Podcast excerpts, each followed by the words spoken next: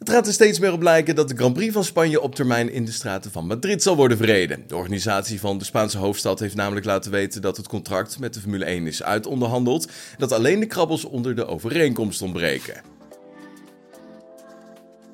Momenteel heeft Barcelona de Grand Prix van Spanje in handen en is het nog onduidelijk of de race in Madrid ter vervanging van die wedstrijd komt of dat het een extra race betreft. Los daarvan moet de Grand Prix van Madrid veel meer worden dan alleen een racewedstrijd.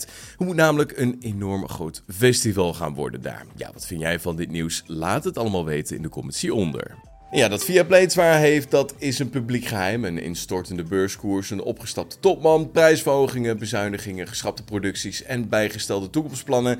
Ja, het is slechts een greep uit wat Viaplay op dit moment allemaal meemaakt de laatste paar maanden.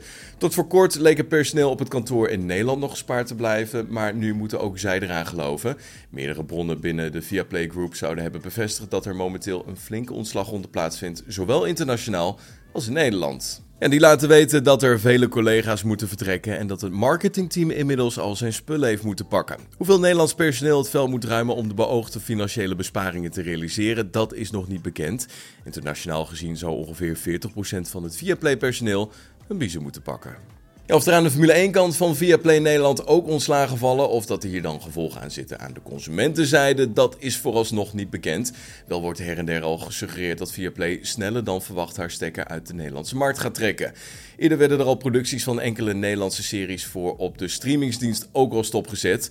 En kort geleden deed ook al de geruchten de ronde dat Ziggo klaar staat om de uitzendrechten van de Formule 1 van Viaplay over te nemen. Mogelijk al vanaf volgend jaar, als het bedrijf zich inderdaad al dan niet noodgedwongen terugtrekt. En Daniel Ricciardo kreeg na zijn bandentest op Silverstone te horen dat hij niet de Vries zou vervangen voor de rest van het seizoen bij het team van AlphaTauri.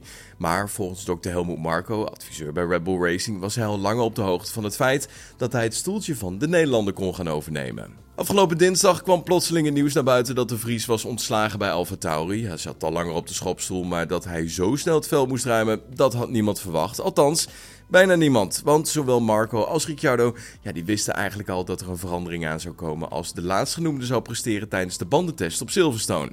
Ricciardo mocht afgelopen dinsdag achter het stuur kruipen van de RB19 en reed daar indrukwekkende rondetijden. Zijn beste rondje was zelfs goed genoeg geweest voor een plek op de voorste startrij tijdens de Grand Prix van Groot-Brittannië. Daniel wist voor de test op Silverstone al dat hij het stoeltje bij AlphaTauri zou krijgen als hij wist te presteren. En deze druk heeft hij meer dan overleefd. Zo vertelt Dr. Helmut Marco aan F1 Insider. Ja, Marco belde vervolgens direct met de Vries om hem te ontslaan. En kort daarna werd direct Ricciardo gepresenteerd als nieuwe coureur van AlphaTauri.